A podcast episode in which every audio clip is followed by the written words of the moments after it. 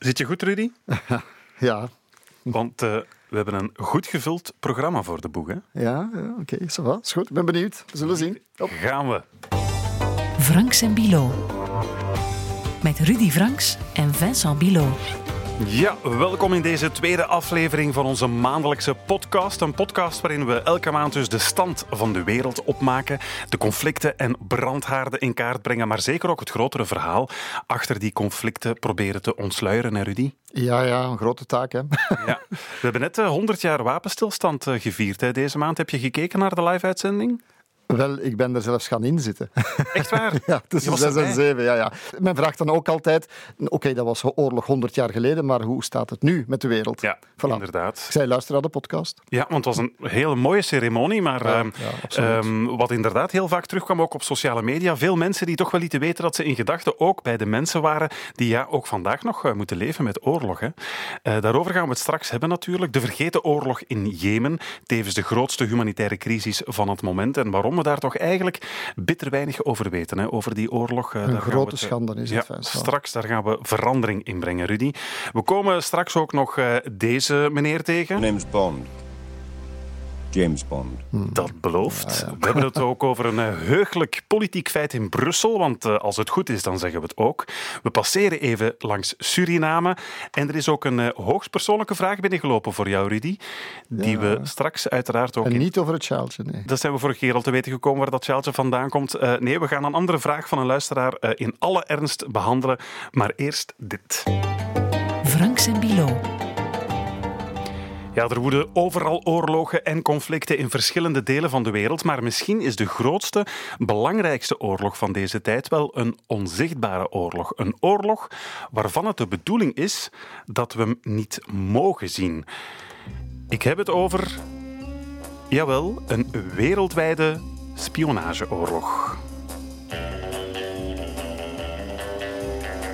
Want Rudy, het lijkt wel een beetje alsof we in een James Bond film zijn beland. Hè? Of in een roman van John le Carré, ken je die nog? Hè? In Ja, ja, absoluut. In een soort 21e eeuwse koude oorlog, want overal duiken spionnen op of worden er spionnen geliquideerd. Vorige maand hè, kwamen we te weten dat Nederland in april van dit jaar vier Russische spionnen heeft opgepakt die probeerden in te breken in het netwerk van de OPCW, dat is eh, de organisatie die toeziet op het gebruik van chemische wapens. In Denemarken probeerde de Iraanse geheime dienst enkele tegenstanders van het Iraanse regime uit de weg te ruimen.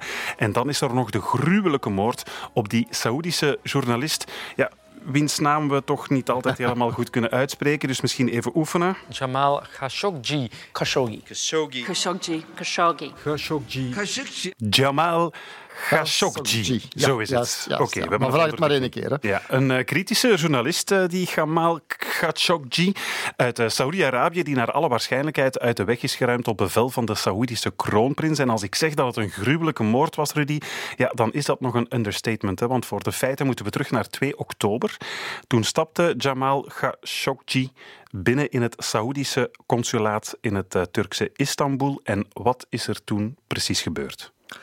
Hij is het, eh, de laatste versie van de feiten dan toch. De laatste versie is hij, ehm, men heeft dat toegegeven, hij is quasi onmiddellijk stand vermoord. Men heeft hem eh, in stukken gesneden allicht en dan in zuur opgelost, vermoedt men. Ja. Zodoende dat hij verdwenen is. Ehm, er zijn heel veel versies geweest. Hè. Eerst was hij er niet geweest officieel, of hij was hij vertrokken al, maar zijn verloofde stond buiten te wachten. Dus dat kon niet. Dan is er ook iemand, een lookalike, die moest voor de camera's, voor de bewakingscamera's paraderen buiten. Dus het was echt vooropgezet spel. Ja. Dan was het een vuistgevecht, een accidentje zeg maar. Is het ook niet gebleken. Er was ook een forensisch eh, expert bij, iemand die blijkbaar goed overweg kon met een cirkelzaag en zo, om hem in stukken te zagen. Gruwelijk, absoluut gruwelijk. Ja, absoluut. En ehm, Donald Trump, zelf toch niet de meest subtiele mens, ja, die vond de opruiming van eh Khashoggi niet echt getuigen van een eh, ja, heel erg discrete aanpak, liet hij weten. They had a very bad original concept. It was carried out poorly, and the cover up was one of the worst in the history of cover ups. Very simple. De slechtste cover-up in de geschiedenis van cover-ups, als hij het al zegt, Rudy. Ja, maar ik, wat, ik wel, wat mij wel opvalt is dat hij geen, more, geen moreel of politiek standpunt uitspreekt. Hè. Het Nee, was hè? gewoon een eh, slecht uitgevoerd, niet al te fijn plan. Ja, wat hij niet zegt is eigenlijk nog, nog meer veelbetekenend. Ja, hè? natuurlijk. Ja. hij zou moeten zeggen van kijk, dit, dit kan niet. In de huidige stand van zaken van de internationale politiek doen we dit niet meer. Journalisten op die manier in stukken zagen en in zout oplossen. Want Amerika is dikke vriendjes natuurlijk met uh, Saudi-Arabië. En ik las zelfs dat ongeveer in die periode waarin, uh, waarin die Saudische journalist is uh, vermoord, dat er zelfs nog een transactie van een goede 100 miljoen dollar van, van Saudi-Arabië naar Amerika is gegaan. Oh ja, en er is, neem een wacht op. Men hoopt in sinds de laatste reis van, van Donald Trump, vorig jaar dacht ik, naar Saudi-Arabië, waarmee die, die beroemde sabeldans meegedaan heeft daar, hè, had hij, dacht ik, op zak een deals ter waarde van 100 miljard dollar. Oh. 100 miljard dollar aan wapens. Er is een uh, ik dacht een evangelische predikant die zei van ja, we mogen toch zo'n schone deal niet laten verkwanselen door dit accidentje. Ja, ja. Dus ja, money talks, bullshit walks, zeggen ze daar. Of in het Nederlands, om de poen is het te doen. Ja, wat zit daar nu achter natuurlijk? Dat is toch wel de vraag die we een beetje moeten stellen. Een Saoedische journalist die echt gewoon wordt vermoord in een consulaat in Turkije. Ja, die man was een groot criticus van de Saoedische kroonprins uh, Mohammed bin Salman. En het is ook in zijn richting dat er gekeken wordt als uh, opdrachtgever. Hè. Twijfel jij er nog aan of hij erachter zit, die kroonprins van Saudi-Arabië? Wil jij nu beletten dat ik nog ooit in Saudi-Arabië binnen geraak? Of, uh, wel, wel, wel. Het, laten we het zo formuleren. Het lijkt mij erg onwaarschijnlijk. En zo formuleren de meesten het, denk ik. Het lijkt me heel erg onwaarschijnlijk dat het hoofd van de militaire en de inlichtingendiensten, dus de, sterkste, de sterke arm van Saudi-Arabië, Mohammed bin Salman, het niet zou geweten hebben of moeten geweten hebben. Dat, dan is hij in het, in het duister gehouden door zijn nauwe omgeving. Maar vermoedelijk moet hij het geweten hebben. Hè? Mhm. Dat er een plan was om hem uit de weg te ruimen. Operationele details, hoe en wat en de gruwel, dat denk ik nou niet. Maar wel dat het moest gebeuren. Ja, nogthans, die Bin Salman die stond tot voor kort bekend als een, een soort progressieve hervormer, hè, die wat democratie zou brengen in uh, Saudi-Arabië. Dat is, dat is wishful thinking van, van, ja? van, sommigen in het Westen, maar natuurlijk. Allez, het gaat hem over... Hij doet een schoon... Uh, cosmetica-operatie is misschien het juiste woord in deze, in deze context. Hè. De vrouwen mogen al eens iets, ietsjes meer in Saudi-Arabië. Dat wil zeggen, ze mochten niet met, een auto, rijden, met ja. een auto rijden. En onder begeleiding mochten ze naar het voetbalstadion gaan kijken, naar iets zeker, als het maar niet, uh, ja. niet te grof was zeker. Allee, of als ze, als ze een lange broek aan hadden, I don't know hoe dat juist was. Maar, maar in elk geval, men mocht iets meer. Maar de vrouwelijke activistes die daarvoor gepleit hebben, die zitten wel opgesloten. Waar, waar wijst dat nu op? Toch merkwaardig. Nee, nee, dit lijkt mij window dressing voor de buitenwereld. En aan de ene kant kan je natuurlijk wel... Je merkt dat vaak in internationale politiek... Pardon, je merkt dat vaak in internationale politiek dat men een aantal interne versoepelingen doet, maar tegelijkertijd een beenhard beleid op andere vlakken gaat voeren. En dat is nu net de politiek van, bin Salman, van Mohammed bin Salman, de kroonprins, geweest. Hij geeft die vrijheid en tegelijkertijd heeft hij een keiharde oorlog in Jemen is hij gaan voeren. Um, alle mogelijke incidenten worden hard aangepakt. En dat is de ware macht. Daar draait het hem om. Man heeft wel een strategische visie. Ja, maar dat progressieve masker van hem is dus voor jou wel definitief afgevallen. Voor zover je het ja, ik, ik heb er niet ooit echt in geloofd Nee, hebt, ik heb er nooit echt in geloofd in dat progressieve masker. Nee, Nee, nee. nee. Het bleef in de rest van de Arabische wereld ook wel opvallend stil hè, over die liquidatie van, eh, ehm, hoe heet hij weer? Khashoggi. Ja, dankjewel Wim. Geen enkel regime eigenlijk in het Midden-Oosten heeft er eigenlijk veel woorden aan vuil gemaakt. Wat moeten we daarvan denken? dat de, het lot van individuele journalisten, van meningsvrijheid en van mensenrechten eigenlijk er niet toe doet bij de meeste regimes in het Midden-Oosten. Zij, denk ik, kunnen perfect leven met het feit dat dit soort praktijken gebeurt. De, als je de regimes zou overlopen, de meeste gaan niet al te zachtaardig om met hun tegenstanders. Hè. Dat kan gaan van Egypte over, god ja, tot, tot eender daar in de regio. Die worden, en Syrië, om, om er maar een, nog een ander te noemen, daar worden dissidenten altijd geëlimineerd, of opgesloten, of gefolterd. Alleen, hetgeen dat nu opvalt, en dat is wel het merkwaardige, is dat het zo brutaal gebeurt, dat Turkije dat het uitgebracht heeft natuurlijk, omdat ze aftap-informatie hadden, wat niet mag officieel natuurlijk, um, op die manier een zaak van gemaakt heeft. En het eigenlijk wekenlang heeft opgeport en het in de media heeft gebracht. En wat ik ook denk, en wat enigszins... goh, eigenlijk irriteert mij dat zelfs een beetje, hè, is dat omdat die uh, journalist schreef voor de Washington Post, als ik me niet vergis, en dus in de de salons van Washington vertoefde. Hè.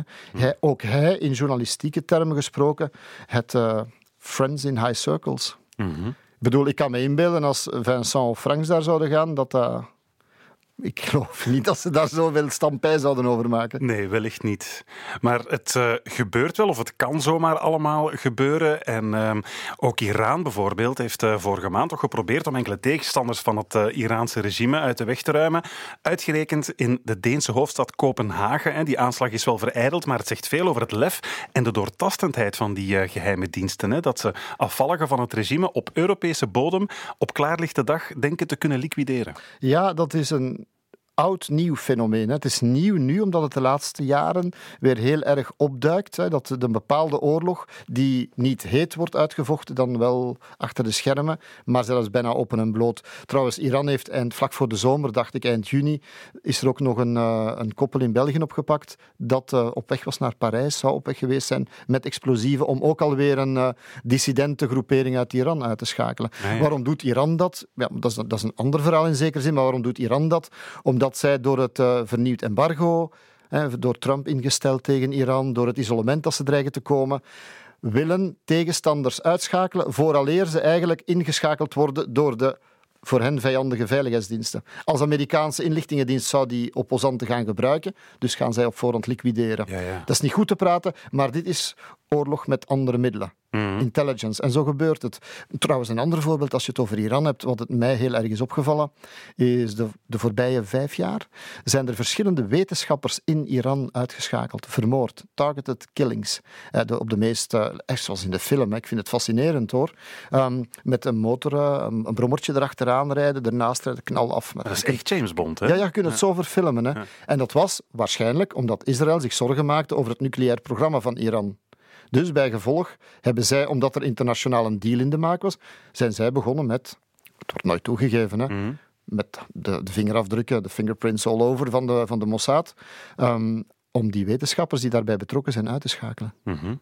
En ja, ook, ook dat is een vorm van, tja, ja, dit is een oorlog. Ja, Zo is het. Het is duidelijk. Inderdaad, de geheime diensten van Iran en Saudi-Arabië die draaien duidelijk overuren. Maar ook Russische spionnen die uh, zitten niet stil hè, tegenwoordig. Er zijn er in april ja, vier ja. opgepakt in Nederland. Ik zei het er net al. In Engeland hebben ze hoogstwaarschijnlijk geprobeerd om de overgelopen spion Sergei Skripal te vergiftigen. Ik ben, Rudy, is bij Jan Baljou uh, mijn licht gaan opsteken, uh, de Ruslandkenner van de nieuwsdienst, met de vraag of ook de Russische geheime diensten een versnelling hoger zijn geschakeld. Jan, zijn ze actiever geworden, agressiever, de geheime diensten van Rusland de laatste tijd? Ja, dat kun je toch wel zeggen. Het, is een beetje, het kantelmoment is een beetje 2014 geweest vanwege de gebeurtenissen in Oekraïne. En de Krim, ja. En de Krim. En um, in Rusland is dan ja, is, is, is het Westen gaan aanpakken als tegenstander, maar goed beseffende dat het militair die confrontatie niet aan kan. Rusland heeft een hele grote achterstand geboekt tegenover het Westen na de ineenstorting van de, van de Sovjet-Unie. En men heeft dus gekozen voor een andere aanpak. En dat noemt men de hybride oorlogsvoering waarbij conventionele middelen uh, worden aangevuld met niet-conventionele middelen. En dan zitten we inderdaad in uh, cyberoperaties, spionageactiviteiten. En dat is iets wat je dus ziet, toch zeker na 2014, dat de Russen zich daar enorm op hebben uh, toegelegd. vooral op het gebruik van cyberspace. Mm -hmm om het Westen te ondermijnen. Om vooral dan de democratische regels, democratische organisatie in het Westen, om dat te ondermijnen. En dan hebben we het bijvoorbeeld over die vermeende beïnvloeding van de Amerikaanse presidentsverkiezingen. Dat is daar één voorbeeld van, misschien wel het meest spectaculair. Je ziet dat vanuit één kantoorgebouw in Sint-Petersburg, de Internet Research Agency, dat van daaruit uh, duizenden uh, ja, Twitter-accounts, Facebook-accounts werden gestuurd. En dat men er eigenlijk in geslaagd is met enkele miljoenen dollars toch wel uh, ja, een effect te hebben op die verkiezingen. We weten niet wat het effect is. Uh, men is er in Amerika nog altijd niet uit of dat ja, eventueel geleid zou hebben tot de verkiezing van Trump in het Witte Huis.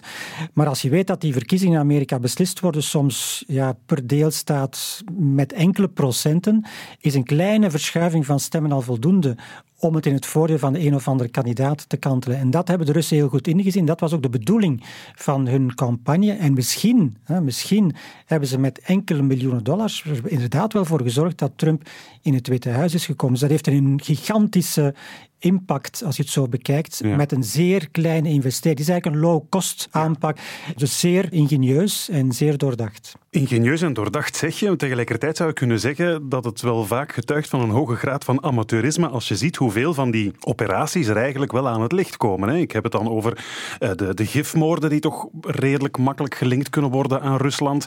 Ja, dan die, eh, die vier spionnen die in Nederland zijn opgepakt, uh, kwam allemaal heel amateuristisch over. Of spelen ze het bijna bewust open en bloot om te tonen eigenlijk dat ze ermee bezig zijn om op die manier ons een beetje te intimideren van kijk, we zijn het wel allemaal aan het doen? Ik denk wat daar speelt is dat een heleboel van die operaties uh, waarnaar je nu verwees, uh, worden uitgevoerd door de GRU. Uh, dat is de Militaire Inlichtingendienst, echte naam is GU. GRU zijn vooral militairen special forces die zeer goed zijn in, in het uitvoeren van operaties in het geheim maar die vooral gericht zijn op het behalen van een resultaat, minder op het uitwissen van hun sporen. Die zijn daar niet echt zo in getraind. Die proberen onder de radar te blijven tot op het moment dat het resultaat geboekt is. En dan is voor hen eigenlijk de zaak beklonken. Nu is het ook zo, je merkt ook dat ook het Kremlin zich daar eigenlijk niet zoveel uh, bezorgd over maakt. Uh, bijvoorbeeld over Skripal, over die uh, agenten die, waren, die, die zijn opgepakt. In ja, de ze ontkennen het gewoon en daarmee is de kous af. Ze ontkennen het gewoon en ze zorgen voor een tegenverhaal. Dat gretig wordt opgepikt ook in het Westen door mensen die sceptisch staan tegenover de overheid. En we weten natuurlijk dat een van die mensen op dit moment in het Witte Huis zit, namelijk Trump, komt ook uit die kringen van mensen die ja, denken in, in termen van complottheorieën. er wordt ons iets verzwegen, de big state. En dat, daardoor worden dat soort verhalen vanuit Rusland zo gretig opgepikt en ondergraven ze opnieuw weer de, uh, ja, de, de, samenhorigheid in de westerse samenleving. Ja, Jan, het zijn over luttele zes maanden ook verkiezingen bij ons. Moeten wij ons zorgen maken? Zijn wij belangrijk genoeg voor Rusland om ook hier iets soortgelijks te proberen? Wel, de Europese Unie is beschouwt Rusland als een tegenstander ook. En eh, je merkt dat Rusland er veel aan doet om die Europese Unie uit elkaar te spelen. Als die Europese Unie minder krachtig wordt, is dat goed voor Rusland. Er zijn toch wel ook aanwijzingen dat Rusland actief is geweest bij de Brexit-discussie. Mhm. uh, ook tijdens de Franse presidentsverkiezingen zijn er aanwijzingen dat ze daar actief zijn geweest.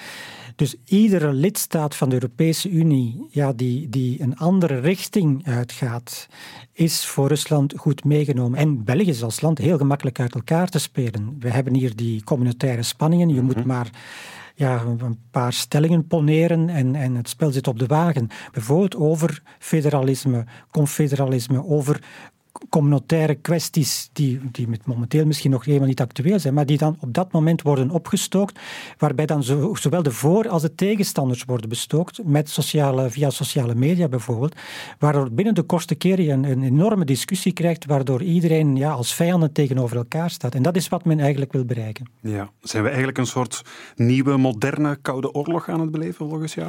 Ja, het is, eh, ik zei het al, het is hybride oorlogsvoering, het is iets heel nieuw.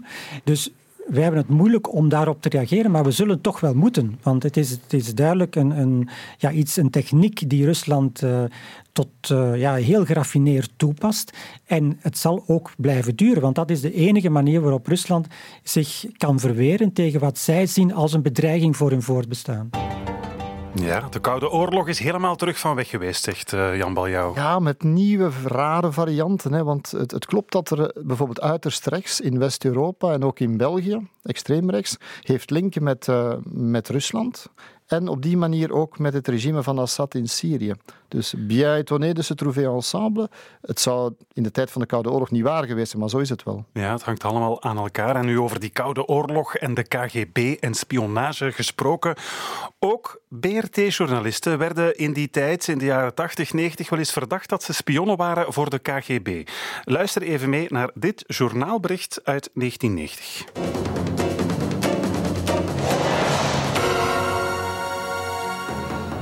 Negen Belgen, onder wie vier BRT-journalisten, worden genoemd als mogelijke agenten van de Sovjet-Russische geheime dienst KGB. De beschuldiging werd een jaar geleden geuit door een overgelopen lid van de Sovjet-ambassade in Brussel. Oeh la la, vier BRT. Vier BRT komen, ja. ja. Die werden dus in 1990 genoemd als mogelijke KGB-agenten. Ik ben dat eens gaan opzoeken. En wat blijkt, Rudy? Die vier journalisten waren Guy Polspoel, Siel van der Donkt, Martin Tange, wie had dat gedacht? En jawel... Rudy Franks. ja, ja ik, was, ik was eigenlijk in eerste instantie heel vereerd. Ik was nog maar pas in dienst en ik dacht van ik ben al zo belangrijk om spion te zijn. Nu komt toch wel de Maurice de Wilde in mij naar boven. waart jij of waart jij niet een kameraad van de communisten? Nee. Nee. Toch niet? Nee, nee, nee, nee. nee, nee. Ik, kon mij, ik kon mij gemakkelijk vrijpleiten. Ben je dat in, dat in dat dossier terechtgekomen? Geen flauw idee. Ik denk dat ik in die periode is naar, het, naar Moskou gestuurd ben met een officiële delegatie van een ministerreis of zo, waardoor ik in de, in de files zat van die, die ambtenaar die overgelopen is, waardoor hij op mijn naam kwam. Want ik kon onmogelijk voor de feiten waar het over ging, want ik was nog geen journalist toen. Ik was nog amper...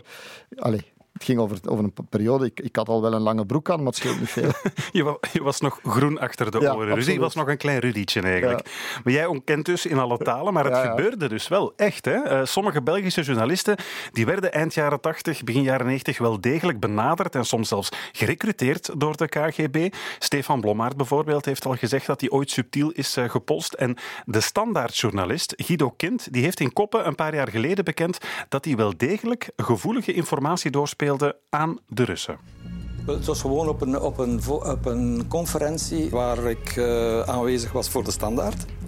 En dat er een stoel naast mij vrij was en dat er een man van de KGB naast mij komen zitten is. Maar ik wist natuurlijk niet dat hij van, uh, van de KGB was. Ik, hij heeft zich onmiddellijk voorgesteld en gezegd dat hij eerste secretaris was van de Russische ambassade. En dat hij wel uh, probeerde kennis te maken met journalisten. Uh, er werd dus nooit gezegd dat het spioneren was. Hè. Dat was altijd technische informatie dat ze wilden hebben. In het begin was dat via artikels dat ik moest schrijven. En langzamerhand kwam dat dat ze de technische informatie wilden die wij kregen als journalisten over nieuwe vliegtuigen, over nieuwe motoren, over nieuwe ontwikkelingen enzovoort. Ze gaven gewoon een omslag met geld. Het was dan 5000, 10.000 frank of zoiets. Uh, niet, uh, niet met stortingen of gelijk wat, hè. Dat, uh, dat begrijp je wel. Hè. Ja. Jij dus nooit zo'n envelopje gekregen? Nee, nee, vandaar dat ik lezingen geef, om iets bij te verdienen. Ja. Nee, nee, maar ik, weet, ik, ik herken het fenomeen wel. Ik hou mij al heel de tijd, al 30 jaar lang, heel ver van ambassadefeestjes. En omdat er daar uiteraard mensen rondlopen. Die... En er is mij ook al wel eens ooit aangeboden om naar een bepaald land een, een reisje te maken en dat soort dingen. Ik heb dat, de tweede keer ben ik daarop, heb ik iemand meegepakt. Want dat is de regel voor onderzoeksjournalistiek. Zorg dat je een getuige hebt die je meeneemt, een neutrale waarnemer van jouw eigen redactie die kan kijken van, tja, wat is dat? En dat stopt onmiddellijk, geloof mij. Ja, dat niet, ja, maar niet laten vangen, want het probleem is er. Ik hou te veel van dat soort spionageverhalen om mij al te snel te laten pakken. Ja. Guido Kind van de Standaard trouwens heeft wel in voorhechtenis gezeten, maar is nooit veroordeeld voor spionage. Ik vertel het er maar even bij. En we ja, maar dus... wat had hij gegeven? Ik dacht dat dat... Want ik heb dat toen gevolgd. Ja. Ik denk zo van die grondplannen van, van Zaventem of zo. Ja, ja. Maar goed, dat is ook niet niks, hè? Nee, maar nu vind je alles op internet. Hè? Ja, maar toen nog niet, hè, Rudy? Nee, dat is waar. Dat is waar. Nee, dat is niet goed te praten. Absoluut niet. Zeker niet omdat je geld krijgt. Ja. Wat ik zo fascinerend vind ook, eh, Rudy, aan spionnen, is dan, dat zijn dan zo die gadgets die ze gebruiken om uh, te, ah. te, spioneren. Zoals, weet je dat de CIA uh, eh, tijdens de Koude Oorlog iets had bedacht om ervoor te zorgen dat CIA-agenten altijd en overal een survival kitje met zich konden meedragen, zonder dat iemand dat ook kon zien? Ah nee, ik dacht een Siankali-pil om kapot te bijten. Zo, zo in de, in de, in de tandverstop, dat hadden ze ook. Maar ze ontwikkelden dus ook, de CIA, hou je vast, een anal toolkit. Oh. En dat klinkt helemaal zo. dat is helemaal zoals het klinkt: een anaal inbrengbaar gereedschapskitje. Ja, in de vorm van een grote zetpil. Dus dat eitje, dat, dat brachten ze in telkens als ze aan een gevaarlijke missie begonnen, hè, waarbij ze mogelijk in vijandelijk eh, gebied konden terechtkomen. Want werden ze gevangen genomen door de vijand, dan eh, konden ze die anal toolkit dus ja, uitpoepen. en daar zat dan een mini-knipmes in en een schroevendraaiertje. Allemaal zo van die dingen om zich te bevrijden en, en hun, eh, hun eh, vijanden eigenlijk uit te schakelen. Is dat echt? Ja, absoluut. Dat Vandaar is dat die mannen zich zo geconstipeerd gedroegen. Dat zou kunnen. Maar het is misschien een, een kleine tip, Rudy, voor als je nog eens naar Syrië gaat. Ja. We hebben nu zo'n medische kit mee. Voor, uh, nu zouden we ook nog een soort van kleine Enelket. Eh, Oké, zo van. Ja, ik, zal, ik zal eens voorstellen aan de medische dienst. Ja. Ik ga naar Syrië en ik neem mee een sjaaltje, een medische kit en een enel toolkit. Oké. Ja. ja. Snel over naar iets anders. Een getal apart. Ja, elke maand neem ik hier letterlijk een getal apart. Een getal dat voor een lichtpuntje zorgt, een sprankeltje hoop in deze donkere, chaotische tijden. En deze week, Rudy, is dat het getal 1.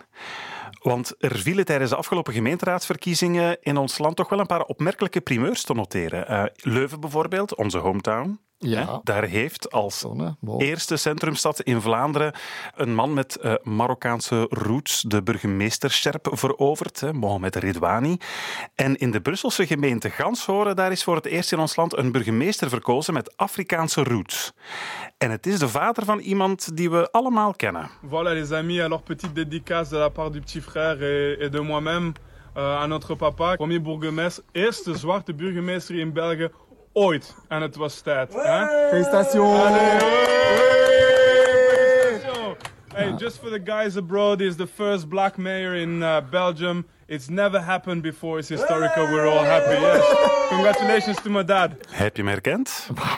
Uiteraard, Vincent. Hè. van Nederlands in Frans. Hè. De perfecte Belg. Ja, Vincent Compagnie. Dus zijn vader, Pierre Compagnie, is de eerste zwarte burgemeester van België in Ganshoren. Zelfs de New York Times heeft het uh, opgemerkt en, er, uh, en erover geschreven. Dat, dat is wel wat, blijkbaar. Ja, vooral het is wat, omdat het wat is natuurlijk dat het zo lang geduurd heeft en dat het de eerste keer is en dat het nog niet meer gebeurd is. Hè. Ook dat van Ridouane in Leuven trouwens, dat is, ja, dat is opmerkelijk. Ja. Hij zelf vindt dat het geen issue zou mogen zijn, het feit dat hij de eerste zwarte of uh, burgemeester met, uh, met Afrikaanse roots is, maar hij is er desondanks toch wel trots op, heeft hij al laten weten. Je crois qu'il faut que je sois honnête. Je suis un exemple. C'est vrai, je vais faire rêver beaucoup de jeunes et tout ça. C'est naturel. Parce que ils ont quelque part un correspondant qui vient de réussir ce à quoi peut-être eux ne pensaient pas. Vous êtes fier aujourd'hui? Ah, mais je suis très fier. Je suis très fier. Mais seulement, je ne m'arrête pas à la fierté, euh, je m'arrête à la conscience du travail qu'il y a à faire. Ja, het zou op zich geen issue mogen zijn dat, uh, dat in 2018 de eerste ja. burgemeester met Congolese roots aantreedt, maar toch, het is het wel, hè? Ja, en meer dan dat. Ik zit mij te bedenken, ik denk dat het ook de eerste politiek vluchteling is die burgemeester wordt in ons land. Ja. Dus, dus eigenlijk met antecedenten zit, die, ja, die is op de vlucht geslagen voor het regime van Mobutu ja. in, in Zaire toen, hè, nu Congo. Ja. En heeft zich geïntegreerd met de loop der tijden. En is dan. Trouwens, hoe we kijken naar Congolezen, dat is toch enorm geëvolueerd ja, in de tijd. We komen van ver, want ik, ik zat in het archief te kijken, Rudy, exact 60 jaar geleden, tijdens Expo 58 in Brussel. Toen werden de Congolezen nog letterlijk tentoongesteld. Hè? Er werd dus een soort mini-Congolees dorpje nagebouwd met een hek rond. Uh, een soort Congolees bokrijk, zou je bijna kunnen zeggen, waarin dan Congolese potten zaten te bakken of manden zaten te vlechten. En vooral de toon, Rudy, waarop uh, er werd bericht op de televisie daarover, ja, dat was op zijn zachtst gezegd toch wel een beetje paternalistisch. Deze vrouw hier is een pot aan het bakken. En dat gaat niet zoals bij ons met een draaischijf, want die kennen ze hier natuurlijk helemaal niet. Maar het moet allemaal met de hand. De Watusi kunnen fantastisch mooi vlechtwerk maken. Het ziet er erg mooi uit, maar het kost natuurlijk allemaal uren tijd. Maar dat hindert hier allemaal niet. Ja, wat een primitief volk zeg. Dat was zo'n ja, beetje de toon ja. eigenlijk. Hè? Dat is nog maar 60 jaar geleden. Ik zal nog iets verklappen. Ja? Ik heb ooit, toen ik in, uh, denk ik, het eerste studiejaar zat, heb ik mijn arm gebroken. Ik viel ergens onnozel weg. En ik uh, lag in het ziekenhuis. En er was een uh, Congolese dokter, stagiair, die mij moest mijn gips af, met zo'n cirkelzaagje af. Ja, ja. Die, en, Ikke noe om denne Dr. Chocola. Een schande, hè? maar ja, ik was klein, ik kon niet alles. Maar ja. dat, dat, zo sprak men toen daarover. Ja, ja, ja absoluut. Was een vriendelijke man trouwens. Ja, maar goed, we mogen er trots op zijn. Pierre Compagnie, dus nu burgemeester van Ganshoren. En we doen het, ja, wat politieke representatie um, betreft, toch beter dan Amerika, waar bijvoorbeeld Afro-Amerikanen ja, nauwelijks vertegenwoordigd zijn in de, in de politiek, terwijl ze procentueel nogthans ja, veel meer uh, ze hebben wel een president in de bevolking. Ze hebben wel een president Dat is wel waar natuurlijk, dat is wel waar. Maar goed, bij de laatste verkiezingen bijvoorbeeld was er hoop dat er ook een paar Afro-Amerikaanse kandidaten zouden gouverneur worden ja. of in de Senaat belanden. En ja, dat is dat eigenlijk voorlopig allemaal, allemaal mislukt. Aan de andere kant staat Amerika dan... Ja, die, dat is een heel diverse samenleving. Amerika is een land van immigratie. Ja. Dus dat maakt het ook anders. Wat mij ook opviel bij de laatste Amerikaanse verkiezing, om dan even los te komen van het zwart-Afrikaans, en, en, maar is dan bijvoorbeeld twee moslima's. Voor de eerste keer, blijkbaar, zijn er twee um, moslims, moslimas in dit geval, verkozen in het, uh, in het congres. En, uh, een, iemand afkomstig uit Somalië, dus ook een vluchtelingen, in uh, ja, Minnesota. En dan ook nog, uh, nog een, uh, wacht even opzoeken, ja, een Palestijnse uiteraard, wat ook een, een Arabisch-Palestijns lang geduurd heeft. En een paar Native Americans. Dat is, dus, toch, al... dat is toch wel merkwaardig. Ja. Dus je krijgt een heel, een heel spectrum. Hè. Ja, maar dus de Afro-Amerikaanse gemeenschap die heeft een beetje in het zand gebeten, eigenlijk, moeten we zeggen, ja, tijdens die laatste ja, verkiezingen ja, in, in, Amerika. Ja. En uh, dat, dat, leed van de uh, Afro-Amerikaanse gemeenschap in de VS, dat is ooit bijzonder pakkend verwoord door uh, Billie Holiday. Hmm. In ik weet dat het een van jouw favoriete nummers ja, is. Ja, absoluut. Het ondergezet. Strange, Strange Fruit. Fruit. Ja, ja, ja, inderdaad. Het gaat over ja, de, de, de slavernij, de systematische onderdrukking van de zwarte en ja, zelfs de lynchpartijen, hè, waar Afro-Amerikanen, vooral in het zuiden van de Verenigde Staten, het slachtoffer van Mag worden. ik me even permitteren? Ik heb de tekst net nog eens opgezocht. Hè, zo. Southern trees bear a strange fruit. Blood on the leaves and blood at the root. Black bodies swinging in the breeze. Strange fruit hanging from the trees. Ja. Eh, alsof mensen die gelyncht worden fruit zijn. En opgehangen aan een, aan een tak en in het een is boom. het beeld, zij schetst, en dat, dat is de kracht van die artiesten. Ze kan schetsen, vlak voor de Wereldoorlog trouwens, Tweede Wereldoorlog, gezongen door haar, um, hoe zij van op afstand ziet aan een boom dat daar iets vreemds hangt, vreemd fruit. En dat blijken mensen te zijn, zwarte mensen. Dat zegt alles over ontmenselijking. Ja. En dat is een kwaal, een absolute kwaal. Absoluut. En uh, Billie Holiday heeft dat in een prachtig nummer gegoten. Dat heet dus uh, Strange Fruit. We gaan er eens uh, naar luisteren. Dit is Billie Holiday. Southern trees bear a strange fruit, blood on the leaves and blood at the root, black bodies swinging in the southern breeze, strange fruit hanging from the poplar trees.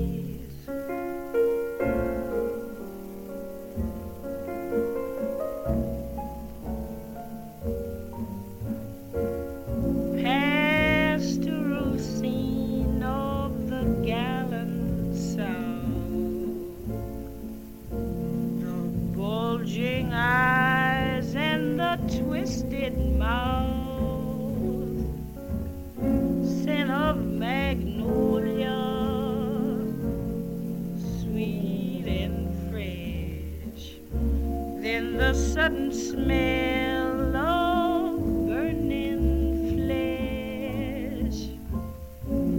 Here is a fruit for the crows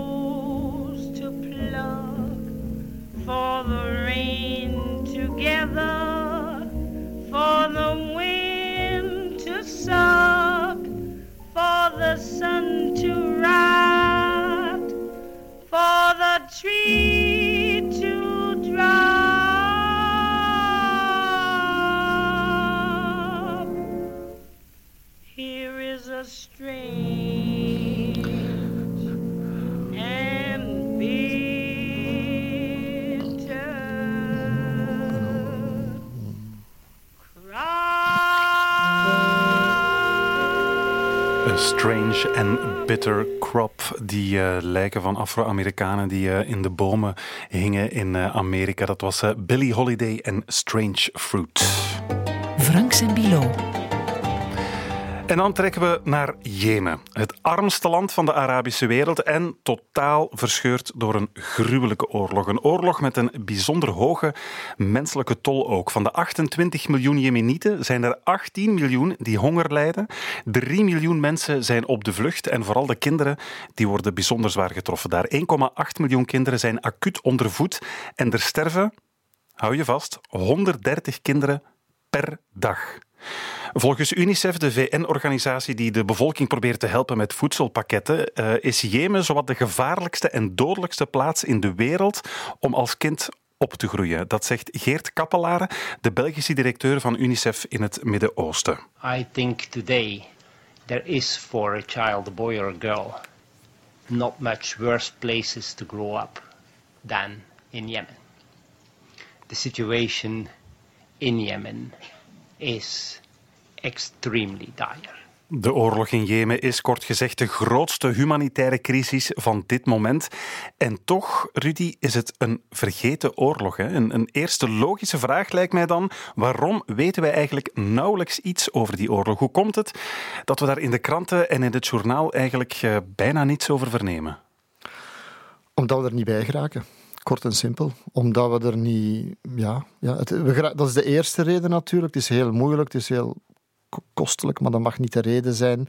Um, er zijn de voorbije jaren al 15, 16 journalisten gedood, ook in Jemen. Je wordt gekidnapt, je, wordt, je zit met een verscheurd land in een burgeroorlog waar je dan van de ene in de andere komt. En bovendien, er is een soort van journalistiek embargo. Er is een embargo op voedsel door Saudi-Arabië en de buitenwereld tegen de Jemenieten, maar ook een journalistiek over men mag niet weten. Mensen moeten in stilte sterven. En dat vind ik nog het, het ergste. Dus dat moet op een of andere manier moeten we dat kunnen doorbreken. En waarom daar dan ook niet meer moeite van de buitenwereld voor gedaan wordt of niet meer druk op Ja, gezet want in wordt. Syrië kun je ook heel moeilijk binnen. Daar weten we toch meer over, hè? Ja, omdat je, ja, op een of andere manier lukt dat dan toch net, net iets makkelijker. Maar ook Jemen is aan de buitenrand van. Het is eigenlijk een vergeten land, een onbelangrijk land, om zo te zeggen, in de Arabische wereld. Hè. Het is een buurland van Saudi-Arabië en grote broer Saudi-Arabië is zo onnoemelijk veel belangrijker. Saudi-Arabië drijft, zwemt in de olie. En wij drinken hun olie en wij verkopen onze wapens en al wat wij hebben aan hen. Saudi-Arabië is belangrijk. Jemen heeft dat allemaal niet. Jemen, het enige wat ze exporteren, zijn, eh, is kat. Zo'n soort van exotisch drugkauwmiddel. Ah, ja. Daar hebben we niks mee. Hè? Nee. Dus dat is totaal. Jemen doet er niet toe. Bovendien, er komen ook geen vluchtelingenstromen uit Jemen, zoals die uit Syrië kwamen. Ja, die gaan misschien naar Djibouti of naar steken over de zee over naar Zwart-Afrika, maar die komen niet op om te merken eigenlijk, hè? Ja, internationale politiek. Als We ik ondervinden er Jemen... geen problemen van, dus we trekken het ons eigenlijk niet Ja, aan. als ik het aan Jemen denk, dan, dan merk je toch hoe, hoe erg internationale politiek in elkaar zit. Hè. Dat is telkens opnieuw een ontnuchtering. Ja. Als we dan gaan kijken wat daar precies speelt in die oorlog in Jemen, ja, dan komen we dus inderdaad opnieuw bij Saudi-Arabië uit. Want ja, zij spelen wel een belangrijke rol in dat conflict. Hè? Ja, ze zijn er mee begonnen, om zo te zeggen. Hè. Nu, Jemen, moet je wel weten, is een land dat al decennia, zo niet veel langer, in turmoil, zoals dat heet. In een oproer. En eerst was er Noord- Noord-Jemen en Zuid-Jemen met een, een linkse regime en een conservatief regime. Dat is samengesmolten weer in burgeroorlog gegaan met elkaar. Het is een permanente strijd. Maar sinds de Arabische lente daar ook gepasseerd is, 2011, is dan de president toen, Saleh, die een soort van evenwichtskunstenaar was, die 30 jaar aan de macht was, is van de macht verdreven. En zijn opvolger, dan is het losgebarsten. Men heeft de Houthis, zoals dat dan heet, ik wil het even op zijn kuifjes bijna gaan uitleggen. De Houthis hebben Sanaa, de hoofdstad, veroverd, hebben die president verdreven. Die werd gesteund door eh, Saudi-Arabië, die president. Die willen die daar terugzetten, Ja, want, die daar- willen daar controle soort- uitoefenen. Ja, daar loopt ook een soort ehm, breuklijn tussen Soenieten en Shiiten. Misschien De- moet je dat ja. ook even kort uitleggen wat dat de precies Houthis is. zijn, Saudi-Arabië zijn de Sunni natuurlijk, die de andere stammen steunen. Terwijl ehm, de Houthis is een Zaidi-sect, een soort van Shiïtische tak. Maar eigenlijk is dat niet zo, die breuken niet zo diep als op andere plekken in de Arabische wereld. Want blijkbaar bi- bidden ze samen in dezelfde moskeeën en zo, dus zo diep zit dat niet. Het gaat hem toch in hoofdzaak om macht, want de Houthis krijgen wapens, naar verluid. Hè. Ze ontkennen dat natuurlijk altijd, maar van Iran. Ja. En wat je ziet in heel die wereld daar, je ziet dat in Syrië, je, je zag dat in, eh, in elk van die landen, je ziet dat zelfs in Gaza, in Egypte. Je krijgt, Iran steunt de ene partij, Saudi-Arabië de andere. Eigenlijk vechten zij daar een regionale machtsoorlog uit onder elkaar. Ja, dus het, eh, het Soenitische Saudi-Arabië en het eh, Shiïtische Iran, Iran, die ja. ehm, bekampen elkaar bij wijze van spreken op eh, het Ja. strijdtoneel Jemen. Alweer een oorlog met afstandsbediening. In het geval van Jemen is dat letterlijk te nemen. Je hebt geen partijen van beide die met milities ter plekke zijn. De Saoedi's bombarderen. De Jordaniërs bombarderen, de Emiraten bombarderen. Die doen allemaal mee omdat ze schatplichtig zijn aan Saudi-Arabië. En Amerika levert de bommen. Wij leveren ook wapens vanuit, nog altijd. Hè? vanuit het Waalse gewest. 100 in de 30 miljoen of zoiets. Via FN Herstal. Hè? Ja. en Vlaanderen levert dan hoogtechnologische spullen, vizieren voor, eh, voor wapens en Mhm. zo.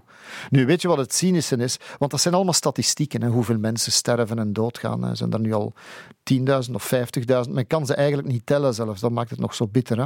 Maar is eigenlijk, een statistiek is niks.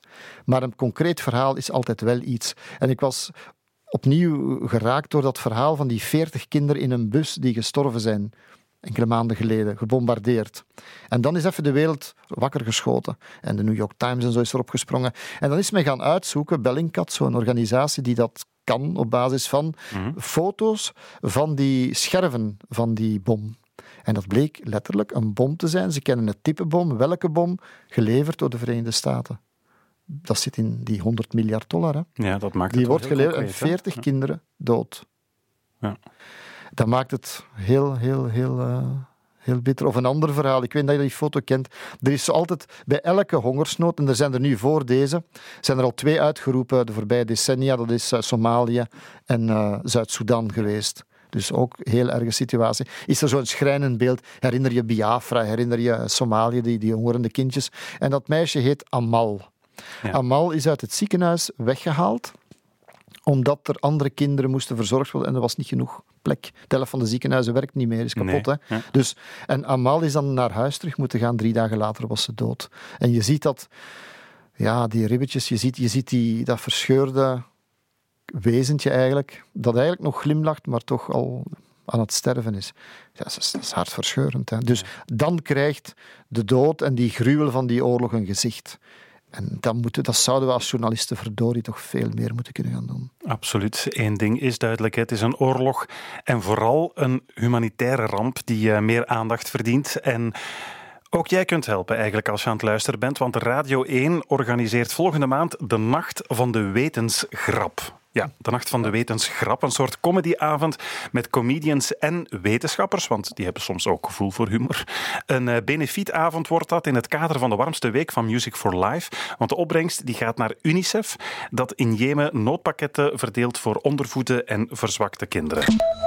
Radio 1 en de Universiteit van Vlaanderen steunen de warmste week. Met academisch verantwoorde humor op de eerste Nacht van de Wetenschap. Met Adriaan van den Hoof, Bart Kammaerts, Katrijn van Bouwel, Jelle de Beulen, Lieven Scheire en Johan Terrein. De Nacht van de Wetenschap. Zaterdag 15 december in de 30cc Schouwburg in Leuven. Bestel nu je kaarten op radio1.be. En steun de warmste week. Voilà, in een deuk liggen voor het goede doel. Het kan dus op zaterdag 15 december tijdens de Nacht van de Wetenschap. Ja, en omdat de, de Franks-redactie vaak niet van verdacht wordt om grappig te zijn, zullen wij, wij gaan ook Jemen. We gaan hetzelfde project steunen. We, gaan, we zetten ons achter die campagne en we gaan, die start eigenlijk op 24 november. Op een zaterdag zenden wij een documentaire uit over de, de humanitaire catastrofe die zich in Jemen afspeelt op de zaterdag. En de hele maand die erop volgt gaan wij proberen met dat soort portretten ook aandacht te krijgen voor wat speelt zich hier af in Jemen. We moeten die blinde vlek eh, dat moet weg. Die schandvlek, daar moet iets aan gedaan worden. Dus wij gaan dat ook voluit steunen op online. De hele volgende maand dus veel aandacht voor Jemen. En eh, als je zelf iets wil doen, wel, ga dan dus vooral zeker naar die Nacht van de Wetenschap op eh, zaterdag 15 december is dat. Tickets kun je dus bestellen via radio1.be. Franks en Bilo. En er is nog iets waar we je graag warm voor willen maken. Een documentaire die je op 1 december kunt bekijken op Canvas. Een documentaire van Emma Le. Dag Emma. Hallo. Jij bent een van de nomaden. Voor wie het nog niet zou weten, dat is een groepje jonge aanstormende talenten hè, die onder de vleugels van Rudy documentaires maken of andere vormen van eh, storytelling. Welke documentaire van jou krijgen wij eh, zaterdag 1 december te zien? Zaterdag 1 december krijgen jullie ehm, Mijn Land Migron te zien. Maar ik ben wel een oude nomade al. Dit is eigenlijk al mijn derde nomade. Och ja, een oude rot. Habitué eigenlijk?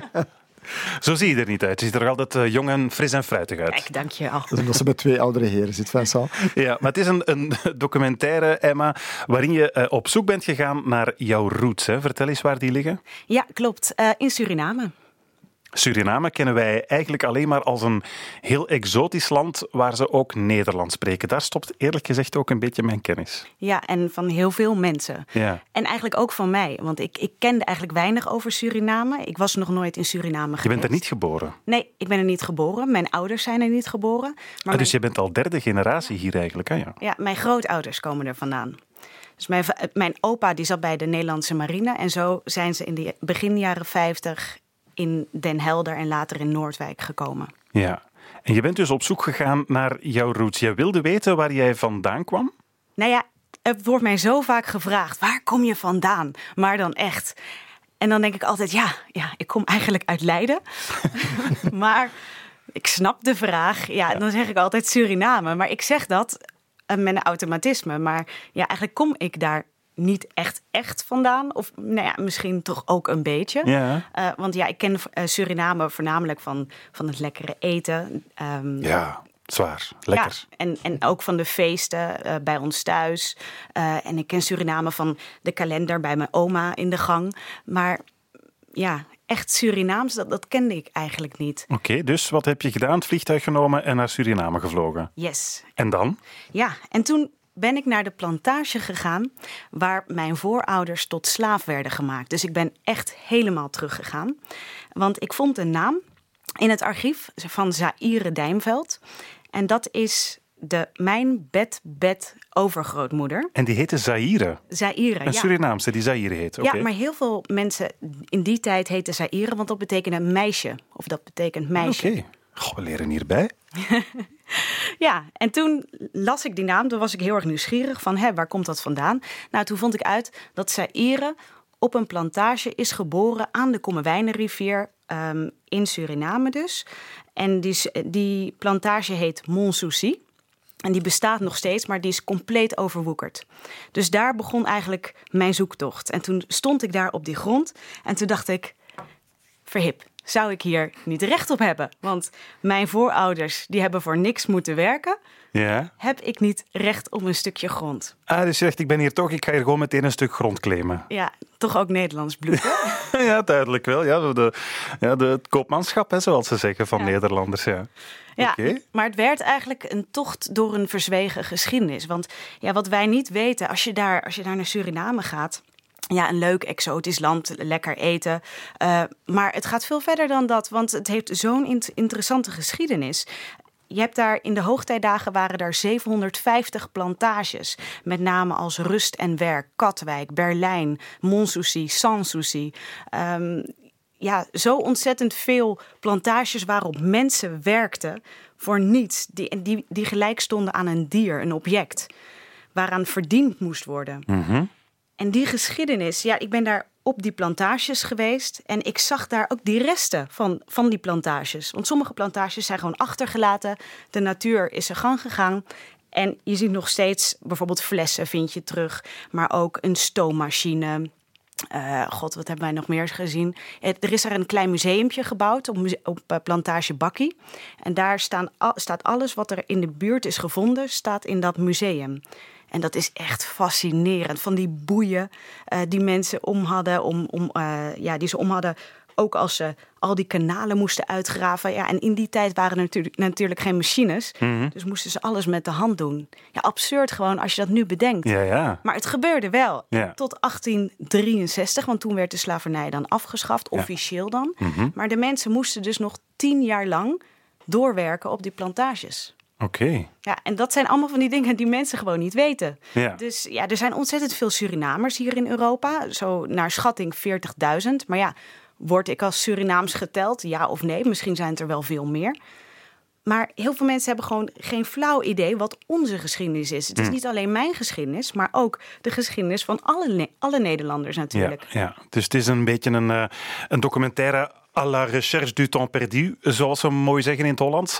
Uh, maar nog eens even terug over dat, uh, dat stuk grond. Aan wie behoorde dat stuk grond toe en, en ben je erin geslaagd om daar aanspraak op te maken?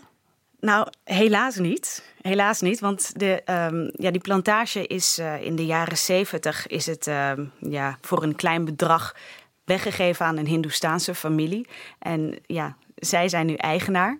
Uh, maar ontzettend aardige familie hoor. maar ik mocht daar wel op die plantage zijn. En dat zit eigenlijk niet in mijn documentaire, dat is wel jammer. Ik heb daar ook een klein huisje gebouwd op die plantage. Ge gebouw, een huisje gebouwd? Ja, ja, Ja, maar het geld was een beetje op, dus het is een soort van doorzonwoning geworden. maar ik heb het eerst afgezet met, uh, met, met, rood, uh, met wit-rood lint. En daarna heb ik uh, samen met de hulp van um, een Surinaamse man heb ik, heb ik een Beetje zoals de Amerikanen hebben gedaan met de maan. Het is niet van ons, maar we zetten er toch onze vlag neer. Ja, precies. Ja. Zo, zo heb ik dat eigenlijk gedaan. Ja, dus een storyteller en eigenlijk ook een beetje een bouwvakker. nou ja, ja, ook ja. een beetje. Ja, maar goed, um, wat ik uh, ook een beetje onthoud uh, uit de documentaire is dat ze jou daar in Suriname eigenlijk niet meer zien als een Surinaamse, hè? Nee, nee, nee. Ik praat natuurlijk super Hollands. Ik, ja, ik, ik, ik heb Nederlandse gewoontes. Uh, ik, ik, ja, ik ken de taal ook niet. Mijn moeder mocht, mocht Surinaams mocht ze nooit leren uh, thuis omdat uh, tegen mijn opa werd er gezegd van ja, uh, als je Surinaams blijft praten, dan begin je met een dik accent te praten. Dus dat mag je niet meer leren. Dan mag je niet meer praten uh, mm -hmm. met je familie. Dus zo heb ik ook nooit Surinaams leren spreken. Dus ja, ik ken de cultuur daar weinig. Nee, je bent voor de locals duidelijk geen Surinaamse meer. Ik denk dat jouw moederland niet Suriname is, niet Ghana, maar wel Nederland. Ik ben Surinaams, dat hoor je, dat zie je toch? Ik zie niet echt iets Surinaams in jou hoor. Misschien echt een beetje krullenjaren of zo, maar uh, qua accent en leefgewoonte en qua spontaniteit is er niks Surinaams in jou. Is je vriend Nederlands? Ja. Zie je, ik denk, dat, ik denk dat hij hier gaat willen komen wonen. Snap je dat? Wat je moet doen, gewoon teruggaan en misschien vijf baby's hem maken. En dat Surinaams gedeelte vergeten. Je hebt hier niks te zoeken, Emma, zeggen ze hier eigenlijk. Ga maar gewoon terug naar Nederland en maak vijf kinderen. Ja, ja dat is een taxichauffeur. Die, uh, ja, ik heb uren met hem in de taxi gezeten en uh, hij zei nee. En hij praat Nederlands? Meisje, wat doe je? Ja. Ah, ja, okay. ja. ja, iedereen eigenlijk ja, daar. Ja. Ja. Dat is ook zo vreemd. Ja, dat is heel vreemd. En je hebt, wat, wat daar ook zo vreemd is, want mensen denken dan van oké, okay, uh, nazaten van tot slaafgemaakte. Um, maar je hebt daar ook Chinezen, die kwamen eind, uh, aan het einde van de slavernij. Toen kwamen de Hindoestanen uit India, de Javanen uit Indonesië. Dus je hebt daar zo'n ontzettend gemixte samenleving. En ja, dat is wonderbaarlijk om te zien mm-hmm. dat iedereen dan zo ver weg Nederlands praat. Ja. ja. Ja, We leren Suriname en de cultuur ook kennen. En Rudy, ik weet dat jij een grote muziekliefhebber bent. Um, er zit ook heel veel mooie Surinaamse muziek, vind ik, uh, in uh, de documentaire. Wat, wat is uh, dit wat we nu horen, Emma? Nou, je denkt, dit is een vrolijk nummer en dit is een kinderliedje. En dat kennen heel veel Nederlandse mensen, kennen dit liedje ook. Um, er wordt nog steeds veel gezongen. Maar mensen weten de tekst niet. Of kennen eigenlijk de betekenis van de tekst weinig. Want daar wordt eigenlijk in gezegd... Faya Sitonne. Zing maar mee, Emma. Zing maar mee. Siton no promiso, no promiso.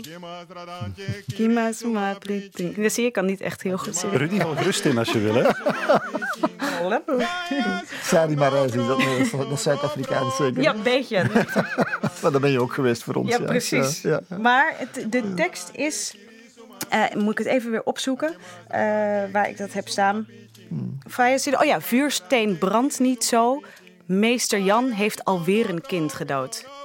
Oh, Oké, okay, dus helemaal geen, geen vrolijk liedje. Nee, mensen denken dat dit een heel vrolijk nummer is, maar... Ja, het lijkt een beetje op wat wij ook kennen, de, de, de slave songs uit de, de, het zuiden van de Verenigde Staten, hè, waar ze ook alle ellende van zich afzongen terwijl ze de, op de katoenplantages bezig waren. Dus dat is zoiets eigenlijk. Ja, ja, ja. ja zeker. En ook als je kijkt naar de, de naam um, Zaire Dijmveld, dus mijn voorouder, als je haar achternaam omdraait, dat komt van veldmeid. Ah. Letterlijker. Kan gewoon niet. Ja, en dan maakt het er een soort van geuzennaam van of zo. Ja, heel veel namen, heel veel Surinaamse achternamen zijn omkeringen. Dus sommige mensen heten Madretsma. Dat komt van Amsterdam. Of Tuinvoort, van oh. Fortuin. Oh. Dus als je daarop gaat letten, als je, als je met Surinamers of mensen met een Surinaamse achtergrond spreekt en dan een achternaam hoort, dat zijn vaak Hollandse namen. Ja. Um, en wie deed dat zijzelf?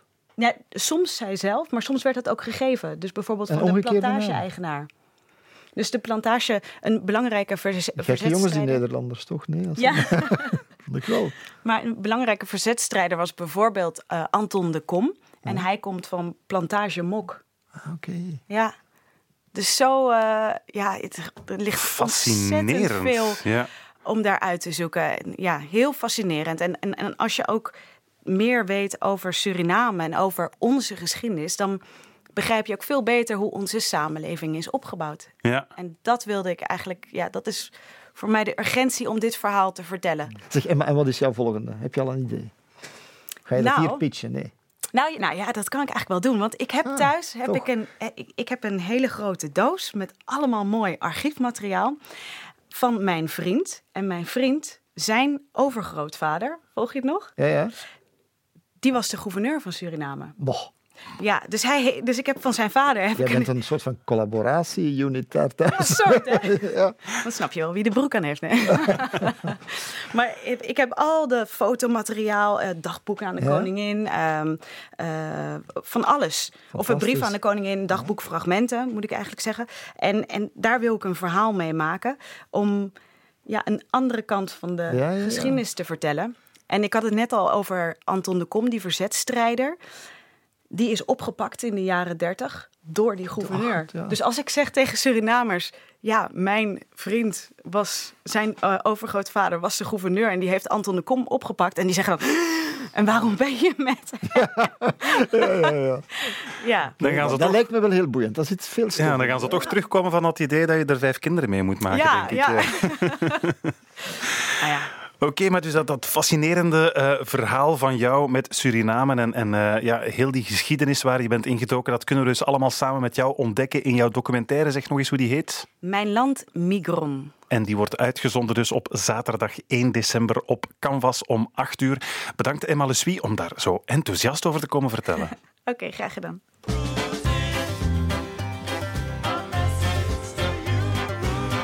Ah, we zijn aangekomen bij misschien wel mijn favoriete moment in Ja, deze ja, podcast. ja, Want jullie kunnen Rudy elke maand een vraag stellen. Een prangende kwestie waarmee jullie Rudy hoogstpersoonlijk mogen interpelleren. Letterlijk, a message to you, Rudy. Je kunt ons die vraag bezorgen op het eh, mailadres franks en bilo aan elkaar at vrt.be.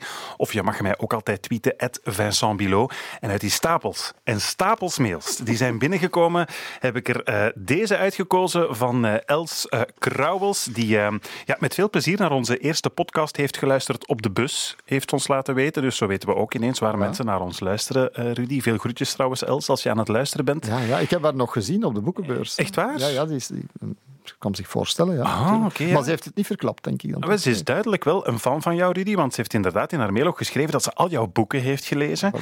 Maar nu had ze jou ooit eens horen zeggen dat je ervan droomde om ooit eens fictie te schrijven. ja. Een spionageroman of zo. En nu wil Els dus heel graag weten, hoe zit het nu met die literaire aspiraties van jou? Komt het er nog van? Ja, Els. ik heb eens ooit... Ja, nee, ik heb dat nog in mijn iPad staan. Ik heb al eens twee hoofdstukken van een detectiveverhaal geschreven. Oh. Maar ik raak niet verder. Ik, allee, ik, ik zit mij, ik moet dan weer werken voor de VRT, weet je. Nee, nee, nee. Het, het, het, zi- het zit erin te komen. Maar tegelijkertijd ben ik ook heel erg bezig en gefascineerd momenteel met ehm, fictie voor ehm, televisiereeks of zo te maken. Ja. Zo-. Maar het, zou, het moet een spionageverhaal worden. Spionage, terreur, die, dat is zo het theater. Ja, dat, dat ken ik, hè. Ja. Zo'n beetje Dan toch? komen we eigenlijk een beetje uit terug bij, bij ons eerste onderwerp. ja, ja, toch, spionage Ik blijf, ik blijf thriller. erdoor geboeid. Els, en als het er komt, dan zal jij de eerste zijn om het te horen, blijkbaar dan toch. Toch wel. Ja, ja. En heb je al een hoofdpersonage in gedachten? Zo een, een, een naam? zo, wat voor iemand dat moet zijn? Ehm, wel, ik weet het. Het, is, het, is, het klinkt misschien... het, het is eigenlijk wel een journalist, ja. Allee. Ja, ja, het is niet autobiografisch, Het wordt een maar, maar, het is, maar het is ook... Maar ja, het wat kan de mens putten uit zichzelf natuurlijk. Serie, ja. Ja, ja, Het is toch een beetje zelf, zelfprojectie. Toch ja, ja, ja, maar hij heeft, hij heeft heel veel slechte kantjes, hoor. Toch wel, ah ja. Hij wel, en Hij jij wel, niet? hij wel, ja. wat ben je nu aan het suggereren? Ja, ja, nee, dat, is, dat, dat moet net het boeiende zijn natuurlijk, hè. Ja. Weet je wat ook nog iets voor jou zou zijn, Rudy? Ik, ik weet dat jij graag eet en ja, je loopt veel rond in het Midden-Oosten. Wat dacht je zo van een, een kookboek met zo Perzische en Arabische gerechten?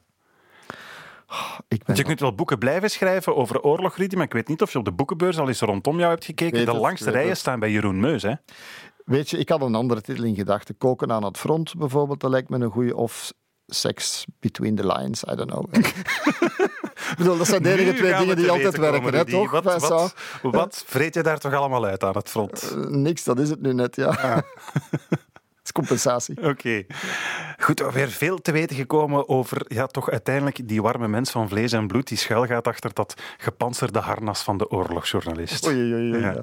Dus eh, als eh, jij ook met een prangende vraag zit voor eh, Rudy, wel één adres, hè, Franks en Bilo aan elkaar, at vrt.be of via Twitter, at Vincent Bilo. Alweer iets om naar uit te kijken. Volgende maand voor onze volgende podcast, dat zal ergens halverwege december zijn. Heb jij je schoentje al klaargezet voor de Sint? Nee, nee. Ik geloof al lang niet meer. Maar ja, dat is geen beletsel natuurlijk. Hè. Ja. Ja, nee, ik heb, ja, nee. ik heb wel een verlanglijstje, hoor. Ja, misschien brengt hij wel een anal toolkit. Vreselijk. Vincent, stop. Om te ontdekken of Rudy Franks een anal toolkit heeft gekregen van de Sint. En voor nog zoveel meer zien we jullie dus graag volgende maand terug voor een volgende aflevering van Franks en Bilo. Tot dan. Ciao. Franks en Bilo. Vergeet vooral niet om je te subscriben op ons podcastkanaal Franks en Bilo. Dat vind je eigenlijk op elke podcast-app die je ook maar op welke smartphone kunt downloaden. Dan krijg je automatisch de volgende aflevering, dus eh, volgende maand in december, voorgeschoteld. En ik was zeer blij dat Emma de Swie hier was. Hè. Nog eens gezien bij ons in de studio. En bedankt voor jouw reportage. Jan Baljouw ook bedankt voor zijn eh, verhelderende uitleg over Rusland. En dan is er Ine de Meijer. Die deed heel de research voor het gesprek van Jemen. Fantastisch. En dan techniek Chris Teunissen. Montage Gunter Joossen. Muziek door Bart Ketelaren. En last but not least, eindredactie Vincent Merks. Dag.